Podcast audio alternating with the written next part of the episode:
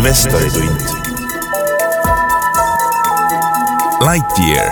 sinu ligipääs maailma turgudele. hea Geeniuse podcastide kuulaja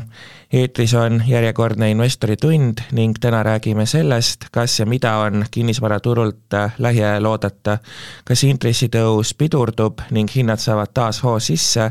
Neid teemasid oleme stuudiosse kommenteerima palunud Uusmaa analüütiku Risto Vähi, tere Risto! tervist!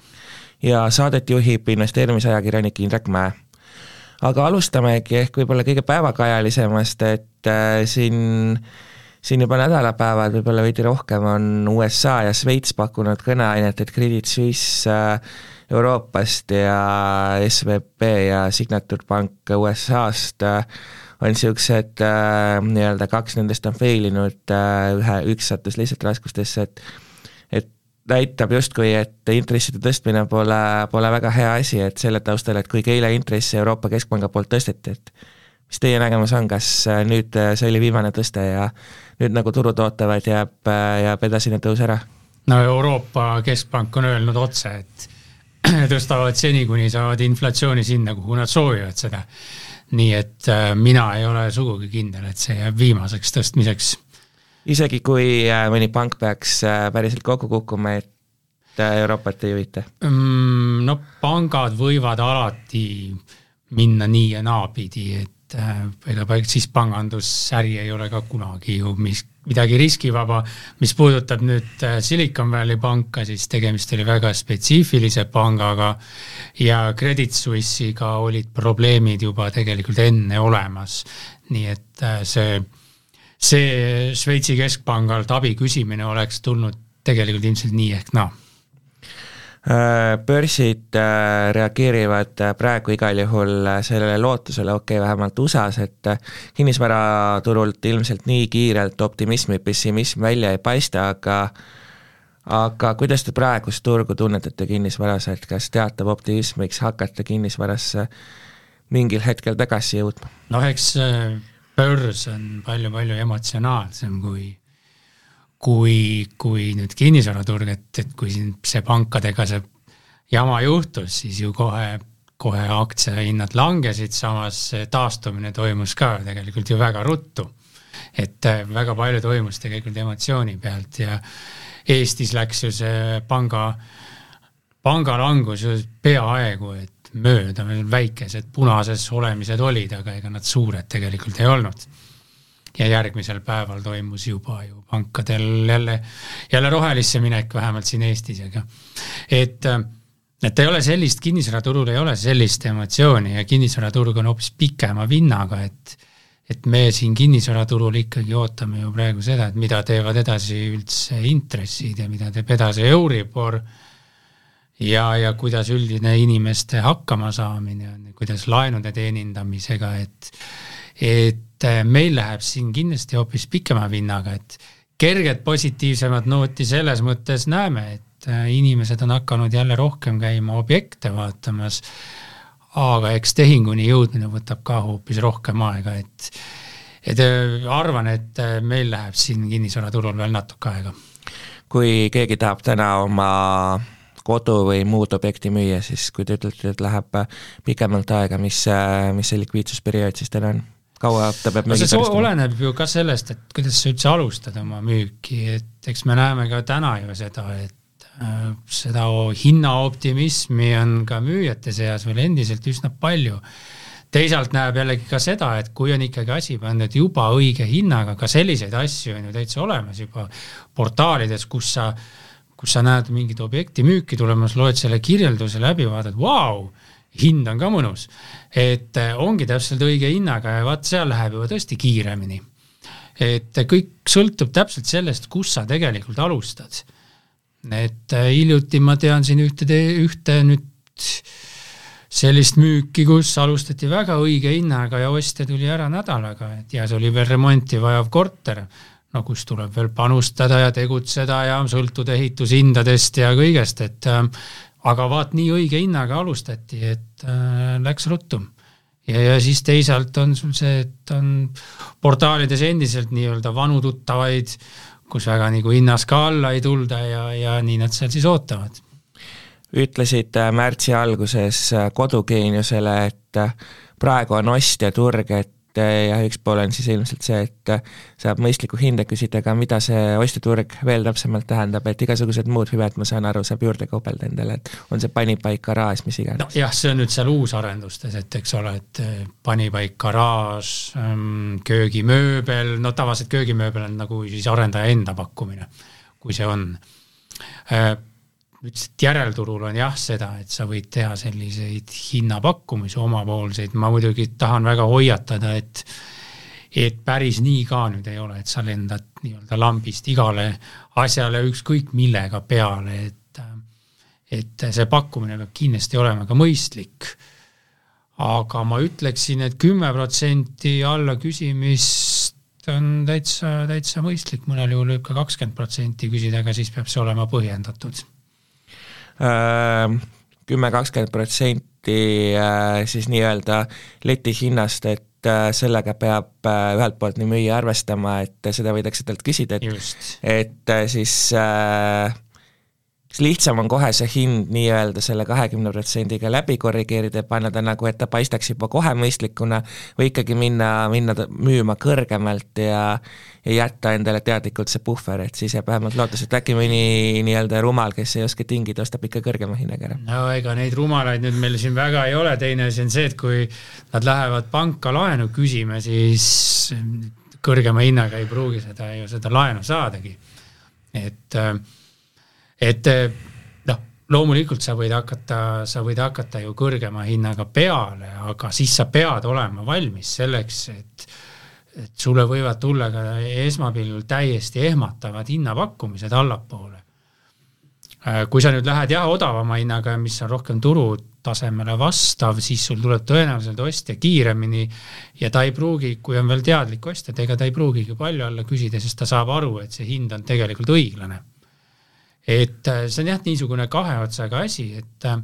oleneb ka vaata sellest, et äh, kas sa nüüd müüd ise või sul on maakleri abi, et kes sulle oskab nõu anda, et kus sa nüüd täpselt oled ja mis sul see hind nüüd, palju sul seda kukkumisruumi on, et ja enda tunnetusest ka loomulikult, et eks nad kõik ütlevad, et mul aega müügiga on,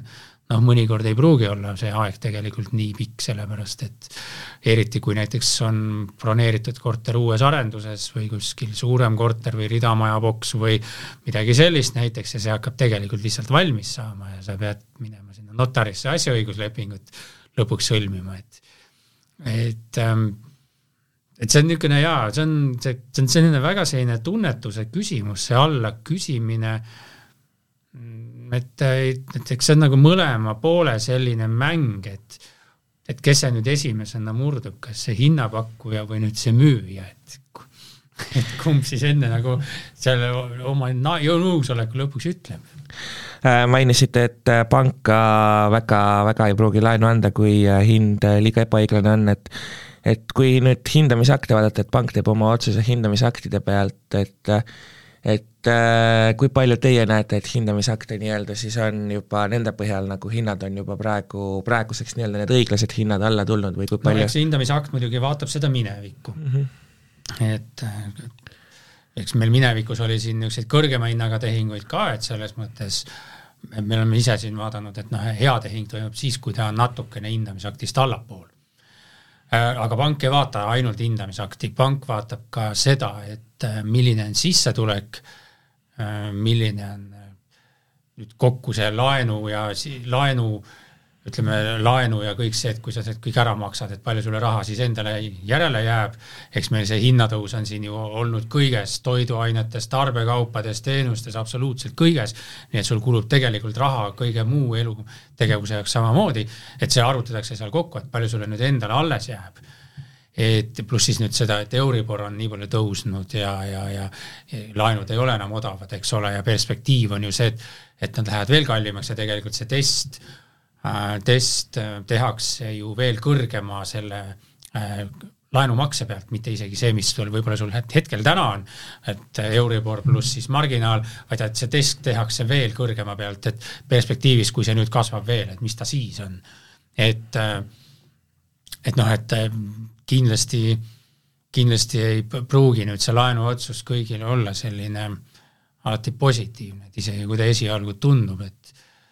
et ähm, noh, olen ise ka kuulnud, et eks ollakse konservatiivsemad laenu andmisel ja seda vaadatakse rohkem ja ja, ja omafinantseering peab hea olema ja kuigi tõsi, jaa, me näeme siin ka häid laenupakkumisi, et kus on fikseeritud laenumarginaal ja ja Euribor, eks ole, et aga seal on ka jällegi omad tingimused ja, ja omad nõuded, kuidas sa selle saad ja et äh, huvitavad ajad selles mõttes.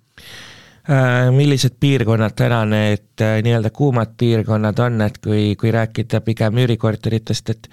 kas Tallinnast üldse äh, veel äh, mingit äh, üüritootlust on võimalik leida?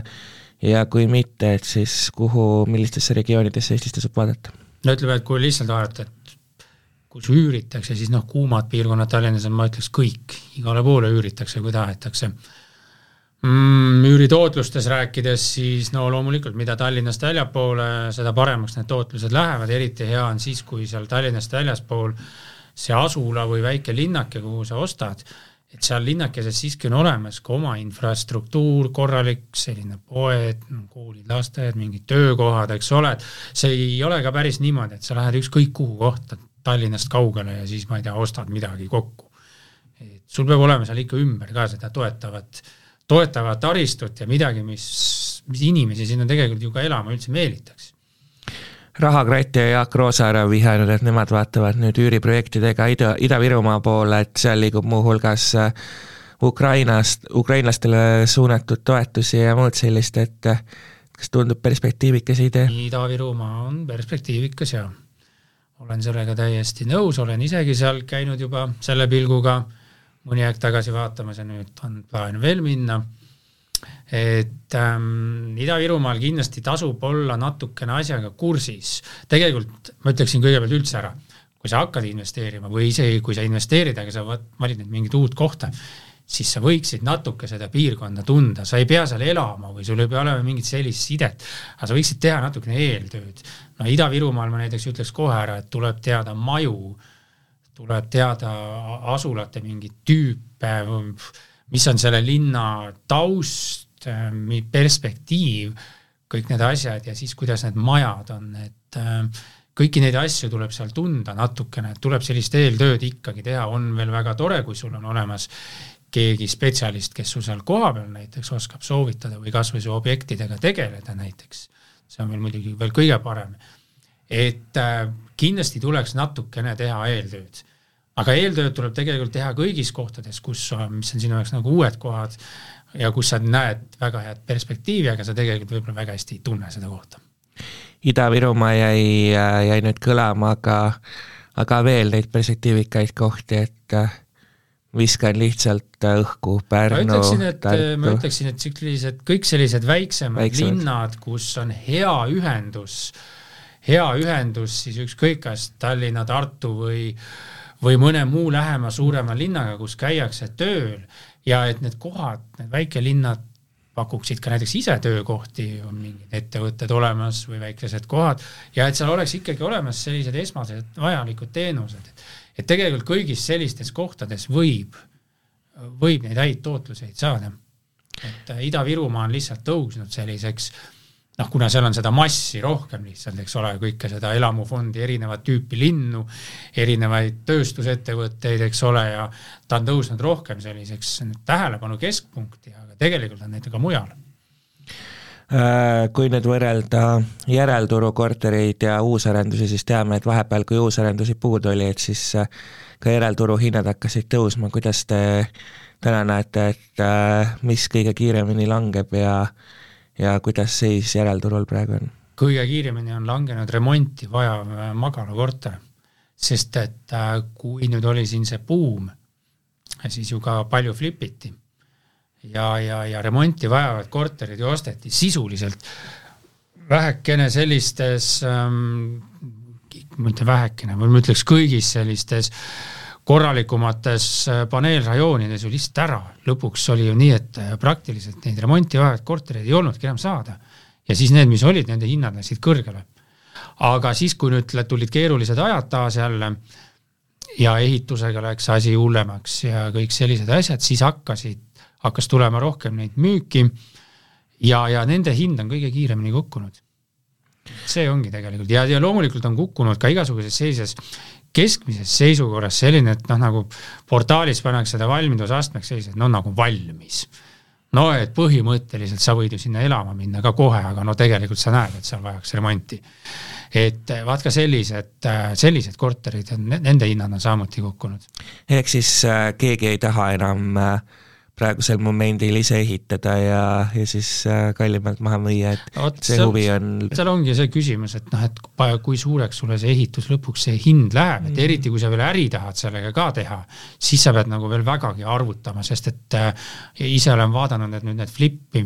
flipitud korterite pakkumishinnad on ka tegelikult allapoole tulnud et, et eks ole, see, see langus tegelikult puudutab ju kõike, et see ei ole niimoodi, et sul Äh, noh, et midagi langeb nagu palju ja siis midagi ei lange nagu üldse, et langus ju tabab ju tegelikult kinnisvaraturg on ju üks organism, et eks need kiirused, mis, mis tüüpi asjal langevad, on need kiirused on loomulikult erinevad ja need langussügavused, aga lõppude lõpuks langeb sul tegelikult kõik. ja ma vaatan, et ega need flipitud korterite hinnad on ka allapoole tulnud. ja, ja, ja et sa pead ju arvutama, et palju sa kasumit tahad ja kas see kasum, mis sa üldse sealt saad, kas see sind üldse rahuldab Äh, järelturu korteritega seonduvalt siin viimasel, viimastel nädalatel on kirgi kütnud Euroopa Liidu äh, initsiatiiv, et äh, mis paneks siis kohustuse maju soodustada, soojustada ja tooks siis turule juurde ka äh, toetusi, et kõik majad ikkagi ilusti D-energia klassi kuuluksid, et kui realistlikuks äh, te selle teoks saamist äh, pikas plaanis peate? ma arvan kuidas..., et seal hakkab kõvasti, kõvasti, kõvasti erandeid tulema ja seal on ju praegu üleüldse ju vaidlus. Euroopa Komisjonil ja teistel nendel siis on ju erinevad nägemused, et üks nägemus on, et kõik oleksid kindlasti vähemalt D. teine nägemus on, et keskmine oleks D. ehk siis seal on veel erinevaid variante ja, ja no Eesti puhul on juba välja öeldud, et noh, see on äh, meie puhul no ikka päris ebareaalne. et äh, suur tõenäosus on, et see plaan kukub tegelikult sellisel kujul üldse läbi. ja, ja teine võimalus on see, et tuleb lihtsalt tohutult palju erandeid, no meie puhul Eestis võime hakata kohe eranditest rääkima, vanalinn, muud muinsuskaitsealused majad, seal sa ei pane sinna soojustust lihtsalt peale, et seda, seda keskaegset kaupmehe elamut tee peale saada eks ole, et, et ja, ja lisaks me peame ka aru saama sellest, et, et äh, on toetus, aga see toetus ei kata mitte ühegi inimese jaoks ju sajaprotsendiliselt seda. toetuste puhul maksab iga inimene, iga leibkond ikkagi omast taskust ka seda. see tähendab seda, et majadele tulevad tegelikult laenud peale. ja ma ütleksin, et võitjad on siin need uusarendused, mis on kohe ehitatud äh, kõrge energiaklassi peale et äh, need oleksid sellel puhul võitjad ja, ja siis, kus on vanemad majad, kus tuleb kohe palju investeerida, et seal lähevad kõrvalkulud lihtsalt väga kõrgeks. teisest küljest võib vist öelda, et võitjad on ka pangad, kes saavad hakata äh, veel rohkem äh, laenu välja andma ja Euribori kasumeid enda kasumiridadele koondama? no eks neid võitjaid on seal palju, võitjad võiksid olla ka ehitusettevõtted, aga samas on meil juba välja tulnud see, et meil ei oleks piisavalt lihtsalt ehitajaid, kes seda kõike jõuaks teha aga kui üldse, siis äh, kuidas saaks täna sellele trendile, et see kas või mingilgi kujul tuleb äh, lihtne investor panustada või mida ta tegema peaks, mis need võimalused nagu võiks olla sellega seoses? lihtne investor ausalt öeldes tahaks natuke rohkem teada saada, mis tuleb. Tegelikult, lihtne investor teeb täna tegelikult täpselt samamoodi, nagu ta just eile tegi et äh, lihtne investor tegelikult tahaks natuke rohkem teada saada. selge pilt, aga kuidas see kõik äh, äh lõpuks äh, kinnisvara hindasid mõjutab, et et saan aru, et need objektid, mis siis nii-öelda tingimustele ei vasta, et nendega on tulevikus raskem tehinguid teha, et et seega kaoks justkui turult osa objekte üldse ära või, või muutuksid need eriti odavaks või kuidas no, see muutuks? tegelikult on ju ka ennustatud, et kõiki hooneid ei ole mõtet üldse ju renoveerida ja tegelikult on ju osad hooned mis on ju lihtsalt moraalselt vananenud näiteks ja ei asu nii atraktiivsetes piirkondades, et tegelikult nende perspektiiv ei oleks üldse mitte renoveerimine, vaid tegelikult oleks nende perspektiiv üldse lammutamine. et, et me peame ka seda tegelikult vaatama, et meie, meie selline trend on ju praegu see, et meil ehitatakse palju uusi maju ja, ja toimuks nagu selline, et et inimesed kolivad järjest rohkem uutesse majadesse ja siis renoveeritakse neid maju, millel nähakse perspektiivi või mis on ajaloolised või mingil muul asjal nagu, muus asjas nagu väga sellised ainulaadsed või noh, millel ühesõnaga see, see, see perspektiiv, et miks teda võiks renoveerida, on olemas. Äh, väga paljudes piirkondades on ju tegelikult ju renoveeritud praegugi juba palju-palju kortermaju ära, et ähm, noh, ja mõnes piirkonnas muidugi ei ole üldse, et näiteks Narva on ju selles mõttes näide, kus ju renoveeritud on ju ülivähe maju tegelikult üldse. et, et, et see, see kindlasti sõltub nüüd selles, et kuidas ise üldse elanikud näiteks vastu tulevad ja kui seda kõik omaks võtavad, seda renoveerimist ja kuidas nad ise on üldse valmis sinna panustama, et äh, ma ütleksin, et selles asjas on nii palju küsimusi ja ma ütleksin, et need vastused siin osad, mida ma võib-olla ütleksin, on üldse natuke nagu niisugused õunte pealt ennustamised, sellepärast et et neid vaidlusi, ma kujutan ette, tuleb siin lähimate aastate jooksul tegelikult väga-väga tohutult palju. nii et seda veel ei ole, et et kui inimene läheb endale kodu näiteks järelturult soetama, et ta peaks kindlasti endale küsima, et tee energiaklassi vähemalt, et siis, siis ta võib olla kindel, et et hiljem mingisuguseid jamasid ei teki, et selle peale veel tänasel turul ei mõelda? ausalt öeldes ei mõelda jaa, sellepärast et no õhus on ju lihtsalt nii palju neid eh, võimalusi, et esiteks see kukub läbi, teiseks tuleb tohutuid erandeid, millele ma ise panustaks tõenäoliselt kõige rohkem, et lihtsalt tuleb eh, piirkondlikke erandeid, et vaata Euroopas ju võetakse asi suht ühe vitsaga, aga regioonid on kõik erinevad, nende ajalugu on erinev, elamufond on erinev, kliima on erinev, eks ole et äh, mina ise panustaksin, et kui see asi edasi läheb, see tuleb tohutute eranditega.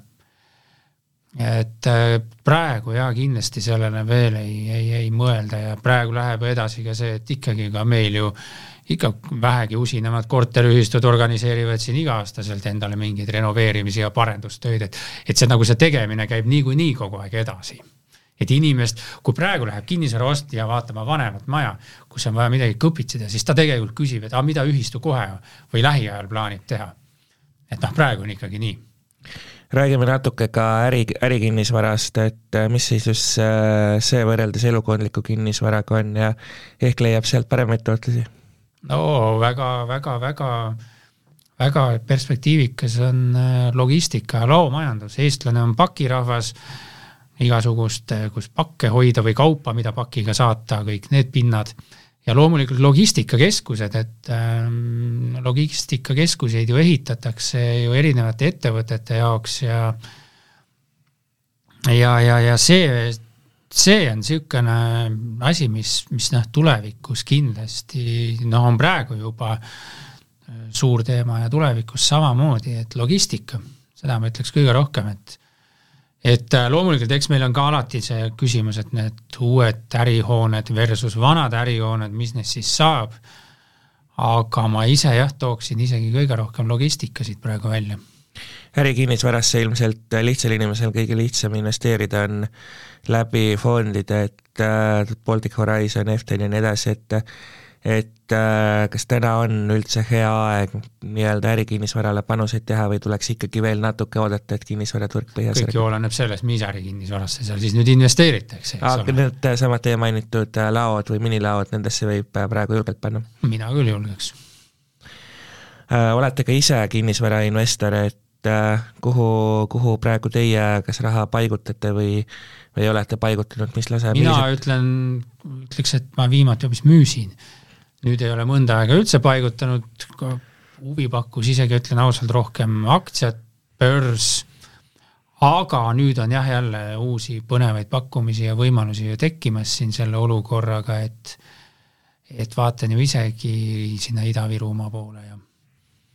et ähm, vahepeal oli selline, selline aeg, kus ütleme, et sisenemishinnad olid ikka ju tegelikult väga kõrged ja kui sa oled ikkagi selline, kes tahaks tootlust saada, siis no ei tekitanud kuidagi põnevust. kui kõik investorid äh, Ida-Virumaale lähevad äh, üüripindasid kas rajama või soetama, et et kus siis tekib see nõudlus, et on need ukrainlased või, või kusagilt veel, et no tegelikult äh, sõltub see ju kõik sellest, et kuidas on üldse piirkonnas töökohtadega, et need inimesed, kes seal kõik elavad, nad ju peavad midagi tegema. et ähm, töökohad, töökohad, kuidas investeeritakse äh, Äh, olemasolevasse tööstusesse, uude tööstusesse, tehnoparkidesse, tööstusparkidesse, eks ole, see tegelikult, äh, see tegelikult panebki ju kogu asja paika. et äh, praegu on meil loomulikult siin selles sõjaolukorras on Ida-Virumaa saanud nüüd pihta sellega, et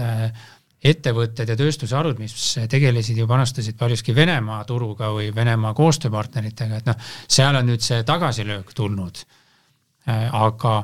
aga no laiemas perspektiivis tegelikult eh, noh, tuleb ju orienteeruda teistele turgudele siis, kui ei saa enam ühes kohas olla, tuleb valida midagi uut ja, ja, ja noh, see ongi see suur küsimus, et kuidas siis nüüd seal edasi arendatakse seda tööstust, et inimesed võivad ju sinna minna, aga nad peavad midagi tegema ka. mida tavaline koduostja peaks äh, praegu tegema, et äh, kui teha hüpotees, et äh, põhi ei pruugi veel käes olla, et siis äh, praegu on mõistlikum elada üürikorteris ja ostuga pool aastat oodata? no on neid ka, kes lähevad üürikorterisse, aga on samamoodi ka neid, kes, kes seda mitte kohe ei tee ja,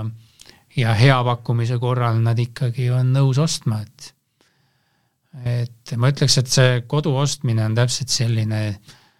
et ähm, seal alati ei saa öelda niimoodi, et sul on kindlasti praegu täiesti vale aeg kodu ostmiseks, et äh, see ei pruugi üldse nii olla ja äh, ostetakse kodusid ju, ma näen igapäevaselt, ostetakse ikka kodusid praegu ka. et äh, kõik sõltub ju ikkagi sellest, et kuidas sa suudad seda finantseerida ja ja kas sul on olemas kõik need tagatised ja sul on olemas korralik selline tagala ja põhi ja kõik sellised asjad, et et sa tead, et ka sul perspektiivis on näiteks võimalik seda laenu teenindada kinnisvaraturul kipub kehtima paradoks, et kui objektid on äh, odavad, siis äh, laenuraha on kallis ja vastupidi, et äh, et kumba situatsiooni siis eelistada või kumb on ühele, kumb on nii-öelda teise suhtes eelistatum? see sõltub ju sellest, et, et ku-, kelle perspektiivist sa seda asja nüüd vaatad. kui sul on oma raha näiteks olemas, siis ostad odavat. siis sind ei huvita ju üldse see laenuraha mm. -hmm. et ähm, noh see, et selles see asi ju tegelikult ongi, et äh, kelle perspektiivist sa seda asja nüüd vaatad. samas, kui äh, vaadatagi äh, mitmeid kinnisvarainvestoreid, kes on ostnud endale paljusid üüripindasid, siis nende bilansist vaatab tegelikult vastu teinekord isegi üheksakümmend pluss protsenti võimendust, et et mulle tundub, et väga paljud kinnisvarainvestorid tahavad ka nii-öelda just laenuraha peal seda impeeriumit endale ehitama hakata, et et isegi kui kinnisvara on praegu odav, siis praegu see vist pole kuigi hea mõte või? ma isegi ei ütleks, et mitte tahavad, vaid seda on juba tehtud juba pikemat aega, et kui meil siin see investeerimisbuum ja sellest rääkimine äkki peale hakkas selle pensionireformi tuules äh,, siis ju tegelikult saigi väga suure hoo sisse see laenurahade peale, laenurahade peale investeerimis tegemine, ütleme siis impeeriumi ehitamine, kui nii öelda, et äh, ma ütleksin isegi niimoodi, et äh, päris nüüd niimoodi ennast lõhki läänata, no ma ei soovitaks, ma ei, ma ei tahaks kindlasti sellist asja eeskujuks nagu tuua, et et investeerimine ei ole, investeerimine on alati riskiga, alati. ja alati sa pead tegelikult arvestama, et sul võib tulla ikkagi niisuguseid hetki, kus sul see äh, väga tugev võimendus ja väga suur laenukoormus saab sulle tegelikult ikkagi väga saatuslikuks. et ikkagi ise tuleks nagu väga kõvasti läbi arutada ja teha endale, et noh, nagu pankadele tehakse stressiteste. minu meelest võiks investorid ka endale teha nagu stressiteste, et nagu, et aga mis siis juhtub, kui mul tuleb selline asi, suur asi ja mul ei kata enam ära üüri, üüri pealt näiteks saadav äh, raha ei kata ära enam laenumakseid, mis ma siis teen? kas ma saan hakkama, kas mul on selline likviidne korter olem-, olemas, mille ma saan näiteks kohe ära müüa ja kasvõi sealt midagi sealt nagu laenudest ära teenindada, ära maksta? kuidas äh, teie tunnete, et kas mõni neist laenudele rajatud impeeriumist võib lähiajal hakata ka kokku kukkuma, et teame seda, et pangad ju, kui LTV enam ei vasta, võivad hakata lisatagatisi nõudma ja nii edasi, lisaks sellele, et kui üüri üüritulu väheneb ja laenukulu suureneb, siis rahavood on negatiivsed ja nii edasi ja nii edasi ja nii edasi, et kui hästi niisugused impeeriumid täna vastu peavad üldse? see sõltubki sellest, et kas kogu impeerium on nüüd laenu peal või on ka osa kinnisvarast selline, millel enam laenu näiteks ei ole, aga need on tavaliselt pikaajalised investorid, kellel on tegelikult see asi nagunii juba läbi mõeldud ja läbi tehtud äh, ma, ma olen väga skeptiline osade investorite puhul, kes eelmisel aastal veel tipuhindadega sisenesid laenude peal üüriturule. vaat see on asi, milles ma olen väga-väga skeptiline, et seal võib küll neid asju tulla äh,. Kuidas äh, teie kliendid nii-öelda tunnetavad, et äh, kas pangad on äh, kui, kui palju pangad on täna oma laenupoliitikates äh, konservatiivsemaks muutunud, et täna ilmselt niisugust impeeriumit ehitada enam ei oleks võimalik? no eks loomulikult äh, pangad küsivad ju alati, ju noh, üldiselt investeerimine käib ju, eks ole, ettevõtte peale, ju ettevõtte majandustegevus, kuidas ettevõte ennem hakkama saanud, et ja, ja, ja loomulikult tegelikult äh, mina ütleksin, et panku on see asi alati huvitanud et äh, ka varasematel aastatel tegelikult näiteks, kui sa hakkasid osaühingule ostma kortereid üüri eesmärgiga, tegelikult küsiti samamoodi erinevaid küsimusi ja uuriti asja, et et, et minu meelest on see küll tegelikult kogu aeg nii olnud. noh, lihtsalt praegu on laenumarginaal pluss Euribor, see on lihtsalt palju kõrgem kõik, et noh, eks see lihtsalt nüüd see võimekus on suurem küsimus kui sõltuvuses äh, kinnisvaraturg tervikuna pankade poliitikatest on, et äh, et seesama, sama efekt, et kui näiteks pank peaks hakkama lisatagatisi nõudma või laenulepinguid üles ütlema, et et kui, kuivõrd suure šoki või kas üldse võib see veel täiendavalt meie kinnisvaraturule tuua? no tegelikult on meie, kui me nüüd niimoodi räägime nagu suures pildis, on loomulikult, mis on ju võrreldav, kui nüüd võrrelda näiteks selle eelmise krahhiga, mis sealt lõpuks siis kaks tuhat kaheksa tuli, eks ole, et meie ettevõtted ja inimesed on palju paremini kapitaliseeritud. et ähm, ja meil on nüüd näiteks palju rohkem kinnisvaraomanikke, kes, kellel ei ole laenukohustusi ja ju tegelikult osteti ju ka väga palju rohkem kinnisvara ka ilma laenuta. et ähm, et kindlasti nüüd nagu sellist tohutut äh, kollapsit ei saaks kindlasti enam tulla, sest et lihtsalt nii palju ei ole enam neid leibkondi, kellel oleks laenukohustus. ja teiseks on oldud ka palju konservatiivsemad juba laenu andmisel. ehk siis neid erinevaid stsenaariume on läbi mängitud selleks, kui seda laenu üldse anti. Ehm, ja, ja kindlasti on ka sellist nagu vastutulelikkust äh, rohkem, et meil on ju lõppude lõpuks võimalik ju tegelikult küsida ka näiteks maksepuhkuseid ja maksta näiteks ka näiteks ainult intresse ja noh, niisuguseid erinevaid asju, et tegelikult neid tooteid, mida veel ju küsida pangalt ja selliseid võimalusi, et neid tegelikult on, et inimesed võivad küsida, kui nad tunnevad, et neil on, neil on nagu selline mure ja kõige, kõige, ma ütleks, et kõige olulisem on see, et tegelikult suheldakse omavahel. ja mõned kokkuvõtvad küsimused ka, et, et kas põhi on ära olnud või alles ees mm,? meil on praegu see olukord, kus mõnda aega on olnud ähm, tehinguid vähe. reeglina on nii, et kui tehinguid on vähe mõnda aega, siis hinnad langevad ja see, see nagu noh, käib niisuguse nagu viitega, et ma arvan, et hinnapõhi ei ole veel tulnud. kui ma vaatan praegu näiteks Tallinnat ähm, aastasest, no me vaatame näiteks, kui me inflatsioonist räägime, siis me vaatame alati aasta võrdlust Tallinna aastane hinnatõus on juba mõni kuu olnud alla kümne protsendi, aga me mäletame alles, et see oli ju üle kahekümne protsendi. mujal Eestis on see veel üle kahekümne protsendi, näiteks suuremates linnades. Tallinn on alati trendinäitaja, Tallinnas on see nüüd juba aastane, on alla kümne protsendi, eks ta on nii kaheksa-üheksa protsenti see hinnatõus. ma arvan, et nüüd tulevad teised Eesti linnad järgi ja me võime seal näha ka miinuseid ja see tuleb tegelikult ka sellest, et meil on ju lihtsalt võrdlusbaas, mille põhjalt me ju lõpuks ju tegelikult neid äh, noh, neid võrdlusi ju teeme, et lihtsalt nüüd see kõrge hinna võrdlusbaas tuleb eelmise aasta oma, jõuab sinna järgi lõpuks. et, et me näeme siis seda, et hinnatõus aastane aeglustub, ta ilmselt ka peatub, tõenäoliselt näeme ka miinuseid, et ma arvan, et see põhi veel tuleb ja mõned juba tegelikult ka nimetasite, aga viimaks küsikski, et et kui nüüd äh, kuulaja soovib jälgida, et äh, millal see põhi käes on, ehk millal peaks siis raha nii-öelda turule viima, et et millised on need kõige mm, tähtsamad äh, märgid, mida, mida saab igaüks ise vaadata ja seda põhja siis nii-öelda tuvastada nende abil? reeglina öeldakse, et põhjast saame me aru siis, kui ta on juba ära olnud ma arvan, et ähm, noh, kes tõesti sellele asja vastu huvi tunneb, võiks lugeda selliseid pädevamaid kinnisvaraanalüüse, kus räägitakse asjast natukene laiemalt kui võib-olla ühe kuu põhjal, et ärme vaata mingit äh, seda numbrit, mida, et võrreldes eelmise kuuga oli nii ja kukkus või tõusis, et äh, see ei näita kindlasti väga palju just.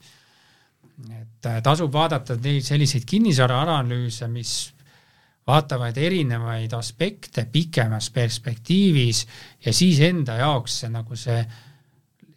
ära tunnetada või enda jaoks siis nagu selgeks teha see, et mis nagu minule tundub, et võiks olla nüüd see, mida mina aktsepteerin ja mis mulle tundub nagu, et võiks olla mõistlik. vaat selle järgi nagu ära teha, et et eks see põhi, sellest me saame alati aru natukene hiljem. me saame, aga me saame, võime aru saada umbes, kus ta on et tasubki lugeda, tunda huvi asja vastu pikemalt, endale mingisugune selline süsteem teha. et mida,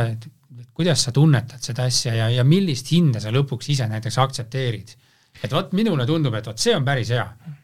et mulle nüüd tundub, et nüüd on mõnda aega juba see asi toimunud, mulle tundub, et see on päris hea, samas ma näen näiteks, et on mingisugused faktorid majanduses, mis mulle tundub, et vaat varsti võib-olla võib tegelikult paremaks minna. noh, praegu muidugi meil on üks veel suur faktor on sõda, mis saab tegelikult lüüa kõik meie ennustused siin sassi, siin ma võin siin mikrofoni taga öelda ka igasugu asju, eks ole, ma panen ju, mõtlen ju ka seda ju praegu mingisuguste kindlate kriteeriumite alusel, mida ma ennustan, mida ma arvan, aga mul tegelikult kuskil siin peas tiksub alati see, et aga meil on tegelikult ju sõda käimas. Ja see on hoopis ettearvamatu asi, et võib lüüa kõik sellised majanduse sellised mm, loogikad ju jälle uuesti sassi, eks ole, et et eks ta selline keeruline, keeruline ju kõik on, et et see on natuke jah, selline tunnetuse küsimus, et aga tasub jah, tasub väga palju erinevaid indikaatoreid ikkagi jälgida ja noh, spetsialistilt kas või nõu küsida, et kuidas tundub.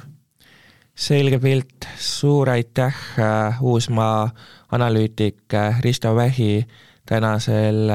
intervjuu eest ning jääme siis jälgima, et milliseid huvitavaid arenguid kinnisvaraturul veel pakkuda on tänan kutsumast, kõike head! ja Investori tund on eetris taas nädala pärast, kuulmiseni!